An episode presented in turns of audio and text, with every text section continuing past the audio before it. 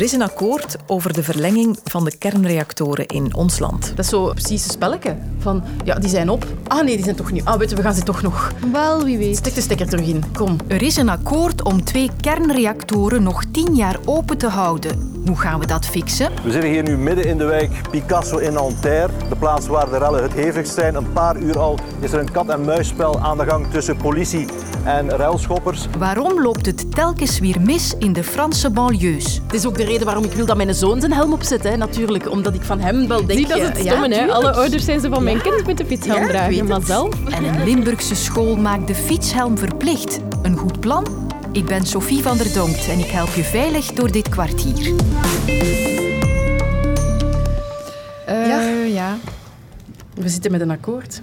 Waar we niet onderuit kunnen, denk ik. Een akkoord om de kerncentrales langer open te houden. We moeten het toegeven, het is een onderwerp waar we niet altijd even enthousiast onze tanden in zetten. Want het verhaal over onze kerncentrales gaat al zo lang terug en er zijn al zoveel wendingen geweest dat we er zelfs soms het noorden en de moed bij verliezen. Als je hier een voorgeschiedenis wilt van gaan geven, je gaat verzinken in verhalen en oninteressante quotes en Tine van der Mm, ja. Straten en... Dit is heel lastig. Om, Is om te, echt, ja. echt een lastig Nu. Ja. Stefan Grommen heeft, heeft Ja. een artikel geschreven, begint met een grijs kadertje. Waar wa- ging dit ook weer over? En dat vind ik al goed. En dat is beperkt. Waar ging dit ook weer over? Ik hoorde eigenlijk Ja. al in gedachten Ja. de Stefan Gromme dat kadertje tikken. Ja. De federale regering besliste in maart 2022, kort na het uitbreken van de oorlog in Oekraïne, dat ze de twee jongste kernreactoren, Doel 4 en Tihange 3, toch tien jaar langer wilde openhouden. Zo zou ons land voor de energiebevoorrading minder afhankelijk zijn van aardgas uit het buitenland. Stefan is, een, is echt een held in het helder samenvatten Ja. van dingen. Ja, ja. Daarvoor was dan wel een deal met uitbater NG Electrabel nodig. Het bedrijf plaatste daar tegenover dat er in dat geval duidelijke afspraken moeten komen over de kosten van de ontmanteling van de kernreactoren en de berging van het kernafval. De onderhandelingen daarover hebben meer dan een jaar gelopen. En nu is het dus zover. De afspraken om Doel 4 en Tiange 3 nog tien jaar open te houden zijn in een akkoord gegoten. En ik moest niet lang nadenken aan wie ik mijn vragen kon stellen. 1, 2, 1, 2, 1, 2, 1, 2. Luc met Bart in de regie, jij hoort me goed? Ja, Alright, nog een minuutje voor antenne. ja, oké. Aan Luc Pauwels natuurlijk, onze energiespecialist. 1. Kort gezegd, wat is er nu afgesproken? Er is nu echt wel afgeklopt dat Doel 4 en Tihange 3, onze twee jongste en meest moderne kernreactoren, tien jaar langer gaan draaien, van 2026 tot 2036. Maar belangrijk, ook in de winter van 25-26 gaan ze al een aantal maanden draaien. En dat is nieuw, maar hebben we echt wel nodig, omdat er in die winter al een stroomtekort dreigt. En dat is nu een engagement van Engie en de regering. We gaan dat doen. Engie gaat ten andere nu op dit moment al de splijtstof bestellen om die winter te kunnen doorkomen. Dat gaat over tientallen miljoenen euro. Dus je ziet dat is een engagement. Het zal zo zijn. 2. Wie gaat er wat betalen? Het gaat over miljarden. Hè. Er zijn verschillende dingen. Ten eerste, Engie die wilde verzekerd zijn van een vast inkomen op die kerncentrales. Ze wilden een vaste prijs om mogelijke verliezen tijdens die tien jaar te kunnen voorkomen. Want bij hun oudere kerncentrales die tien jaar verlengd zijn, hebben ze ook er gehad die jaren hebben verlies geleden. Dus ze eisen een prijs. Die prijs gaan ze krijgen. Duikt de stroomprijs op de markt onder die prijs, dan zal wij, de overheid, toesteken. Gaat die erboven, dan gaat alle overwinst voor 100% ook naar de overheid. Maar ze willen daar een garantie, die hebben ze binnen. Tweede element, ze wilden ook dat de overheid mede-eigenaar werd van de kernreactoren. Die gaat er voor 50% instappen, onze overheid. Wat ook betekent dat de investeringen, de miljarden die gaan moeten gelegd worden om die twee kernreactoren te verlengen, ook door ons voor 50% gaan moeten opgehoest worden. Lees 2 miljard om ze te moderniseren, 1 miljard door ons de overheid te betalen. En dan het derde element was voor hen zeer belangrijk. Ze willen dus ook eens een vaste prijs op die berging van dat nucleaire afval. Want dat kon de overheid om de drie jaar optrekken. Dat geeft onzekerheid voor dat bedrijf, weegt op de beurskoersen. Zij wilden een maximumprijs en die is nu afgeklopt op 15 miljard euro. En je ziet trekt trouwens de effecten op de koersen van Engie, want die is vandaag al met 4% gestegen.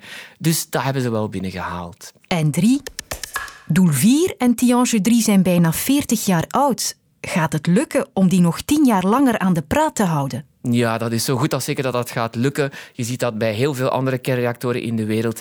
Die worden zelfs tot 60 jaar verlengd. Onze Nederlandse buren bijvoorbeeld hebben een kernreactor die 10 jaar ouder is, of zelfs 12 jaar dan Doel 4 en Tihange 3. En gaat al tot 2033 draaien, 60 jaar. De Amerikanen, de meeste van hun kernreactoren, beginnen ze nu tot 80 jaar te verlengen. Dus dat gaat wel lukken. Die gaan dat met zijn goede onderhoud, zijn opknapbeurt, en die komt er dus aan, die gaan dat wel volhouden. Ja. Oké, Luc, merci. Je bent van antenne. Goed uitgelegd. Ik snapte het toch. Even terug naar dinsdagmorgen 8.30 uur. Nanterre, een voorstad van Parijs.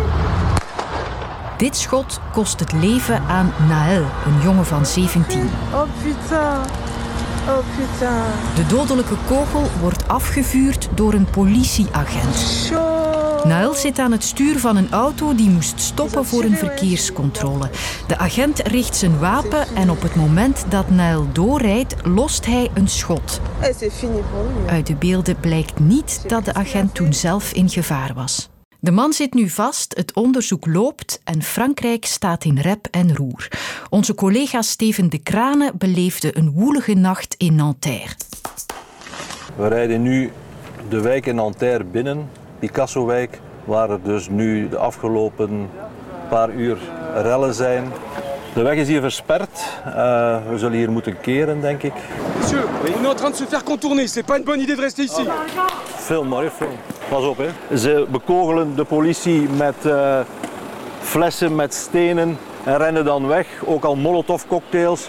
Een heel gespannen situatie hier in deze wijk. En ook wij hebben al te horen gekregen dat we beter opnieuw naar België vertrekken. Demi-tour. Steven, hallo. Hallo, hallo. Korte nacht gehad? Zeer korte nacht, ja. De schrik zit er wel in, in heel Frankrijk. Hè? Want er zijn 40.000 agenten en uh, gendarmes opgeroepen voor vanavond en vannacht. Het zal uh, niet zomaar overwaaien.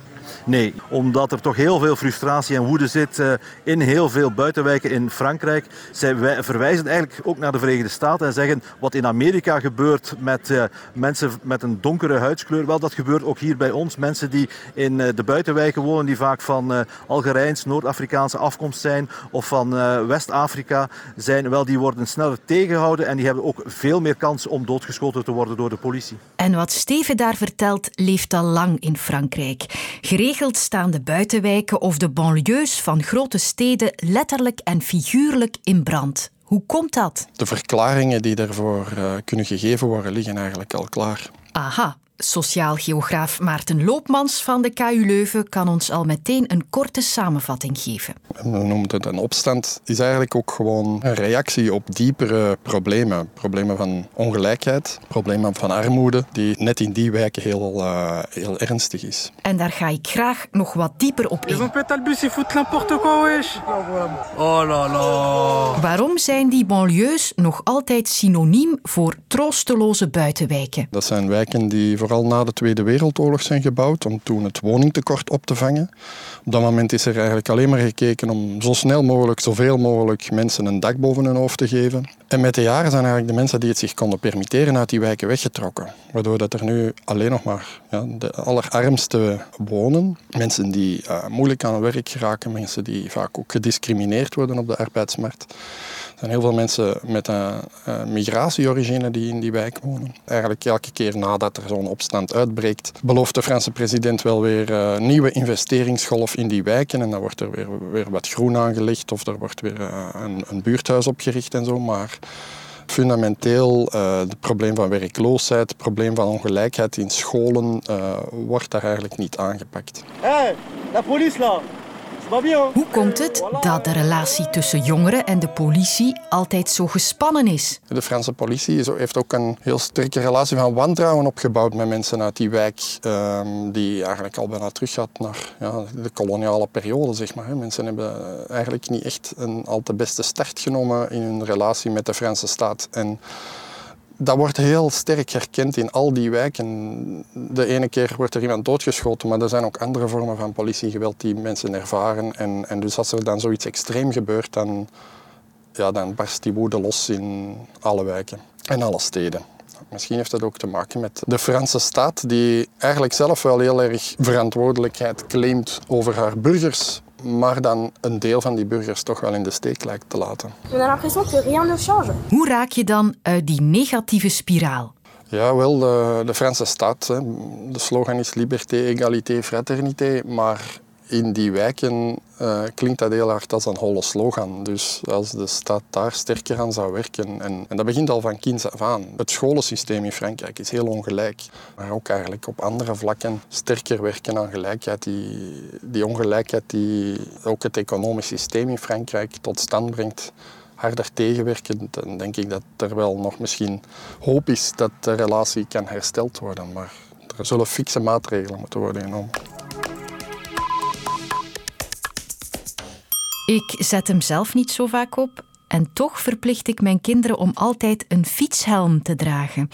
Dat is uh, niet zo consequent dus, al ben ik ook niet verplicht. Niemand die met een gewone fiets rondrijdt. Maar bij basisschool De Wieken in Limburg zal dat vanaf 1 september wel zo zijn. De drijfveer voor de directrice was het ongeluk van leerling Alan. Hij hield er een zwaar hersenletsel aan over. Het heeft onze school heel erg aangegrepen, de kinderen en mijzelf ook. Ehm, we waren in de eerste instantie heel erg geschokt hoe erg uh, Alan er eigenlijk aan toe was. Hij droeg jammer genoeg geen helm en ons schoolbestuur staat ook helemaal achter de beslissing dat vanaf volgend schooljaar in het schoolreglement staat dat alle kinderen verplicht een helm naar school dragen als ze met de fiets komen. Toch is niet iedereen een voorstander van die verplichting. Ik ben Wies Callens, woordvoerder van de Fietsersbond. Wij zijn niet zo een voorstander van echt een verplichting te gaan doen. Voor de Fietsersbond is het heel belangrijk dat je, als je je veilig voelt met een helm, draag die helm. Als je met jonge kinderen fietst, als je als oudere persoon op een elektrische fiets fietst, draag die helm. Maar we zijn geen voorstander van een verplichting. We zijn wel een voorstander van nog meer sensibilisering en de goede kanten van die helm heel duidelijk in de picture zetten. Maar een verplichting is voor ons een stap te ver. Maar in het ziekenhuis vonden we iemand die de verplichting wel aanmoedigt. Ja, mijn naam is eh, Frida Koekelberg en ik ben al meer dan twintig jaar werkzaam als spoedarts. Als mama en als spoedarts vind ik dat een heel goed idee, omdat ik met eigen ogen heel vaak heb moeten uh, helaas uh, zien hoe zwaar gekwetst fietsers kunnen geraken na een ongeval en hoe een, het dragen van een helm echt het verschil kan maken. Ze mogen een paar argumenten tegen elkaar afwegen. We zitten met heel veel obesitas in Vlaanderen, met hart- en vaatziekten, die vaak te wijten zijn aan een ongezonde levensstijl. En daar willen we vooral vermijden dat er mensen minder zouden zich op een duurzame manier gaan voortbewegen. De duurzame mobiliteit en fietsen is daar gewoon heel belangrijk in. Dus we zijn er zeker niet tegen, maar we willen natuurlijk eigenlijk als doelstelling vooral meer mensen op de fiets krijgen. En alle belemmeringen die je daarbij hebt, zijn de een helm dragen en dat soort zaken, ja, dat zijn belemmeringen die ervoor zorgen dat er minder gefietst wordt. Denk niet dat mensen ooit het rijden met een auto hebben gelaten omdat ze een gordel moesten dragen. Dus ik denk niet dat dat opgaat. Ik denk als dat ingeburgerd gaat zijn van kijk, fietsen kan gevaarlijk zijn, draag een helm, dat mensen daar blijven fietsen. Zeker als ze weten hoe gezond het is. Een belangrijke reden voor ons is dat het eigenlijk ook een stukje victim blaming is. Ah, je droeg geen helm als fietser, dus het is wel je eigen fout. Je had maar een helm moeten dragen en dan zou het uh, ongeval minder erg geweest zijn. Ja, inderdaad. Ik denk dat er nog heel veel werk is aan het veiliger maken van de fietspaden en de wegen en de manier waarop we fietsen en waarop we als automobilisten omgaan met fietsers in het verkeer. Daar moet uiteraard ook aan gewerkt worden victimbeleming, ik versta de redenering, maar als we er allemaal het over eens zijn dat wie met de fiets rijdt gevaar loopt en wie gevaar loopt moet zichzelf beschermen en een helm dragen, als we allemaal tot die conclusie komen, dan gaan we ook geen uh, slachtoffers daarvan beschuldigen. Het verplichten gaat er ook vaak voor zorgen dat dat niet meer gedaan wordt, of dat dat slecht gebeurt, of dat dat eigenlijk gewoon helm maar half opgezet wordt en niet goed opgezet wordt. Dus ik denk dat het veel belangrijker is dat die intrinsieke motivatie er is. Dat is denk ik belangrijker dan echt gewoon die verplichting en het dan bestraffen. Je ziet in gedragsverandering is het eigenlijk gewoon uh, noodzakelijk dat je eigenlijk het ziet en dat je het zelf nodig vindt om het te doen. Dan gaat het ook veel groter effect hebben dan dat je die verplichting erop zet. Dat denk ik ook wel. Dat als je het gaat verplichten zonder dat mensen daar uh, zelf van overtuigd zijn, dat dat een veel moeilijkere weg is. Maar we zijn er al jaren mee bezig. En dat is met het roken toch ook zo gegaan, dat het pas op café niet meer wordt gedaan sedert het verboden is. Ik denk dat het uh, verplichten uh, sneller zal zorgen dat mensen ervan overtuigd zijn dat het nodig is en dat het uh, mensenlevens en uh, veel uh, menselijk leed zal redden. En we willen natuurlijk allemaal hetzelfde, veilig op onze bestemming geraken. Voilà, Lode loodst je morgen doorheen het laatste kwartier voor de zomervakantie. Maar we laten je niet in de steek. Tijdens de zomer zijn we elke vrijdag. Is dat veelbesproken boek nu wel of niet leesbaar? Joris Hessels en Annelies Mons zoeken het voor je uit in de boekenpodcast Leesbaar. Nu in de app van VRT Max.